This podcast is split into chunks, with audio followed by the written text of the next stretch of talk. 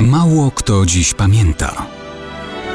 Datownik historyczny prezentuje Maciej Korkuć.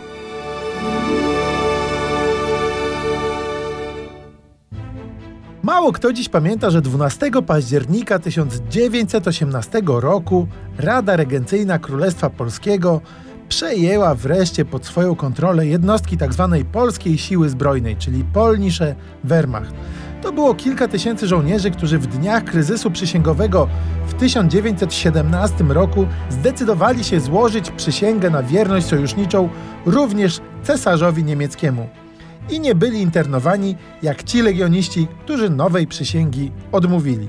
Ku rozczarowaniu wielu tych Polaków, którzy pozostali na służbie, nie podporządkowano mianowanej przez Niemców i Austriaków Radzie Regencyjnej, lecz oddano wprost pod komendę niemieckiego okupacyjnego generał-gubernatora Hansa von Besselera, który zaczął występować jako naczelny wódz owego Polnische Wehrmacht. Trzej regenci, którzy cieszyli się rzeczywistym autorytetem wśród Polaków i bynajmniej nie należeli do nadzwyczajnych miłośników Niemców, robili co mogli, aby przejmować z ich rąk jak najwięcej różnych aspektów życia publicznego.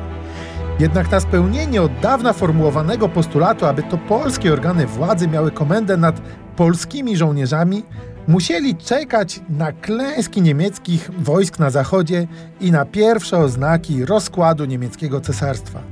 Besseler w końcu musiał się z tym pogodzić, a Rada Regencyjna wciąż liczyła na to, że to ona poprowadzi kraj do pełnej niepodległości. I mimo takiej zapowiedzi, mimo objęcia władzy nad żołnierzami polskimi, miesiąc później musiała uznać, że zbyt długie trwanie przy boku Niemców nadszarpnęło jej autorytet. Teraz tylko jeden człowiek, zwolniony z Magdeburga Józef Piłsudski, mógł zjednoczyć cały naród wokół jednego ośrodka władzy.